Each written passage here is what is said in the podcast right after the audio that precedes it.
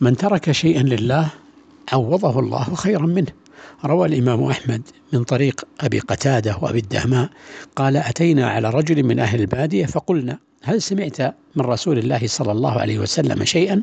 قال نعم.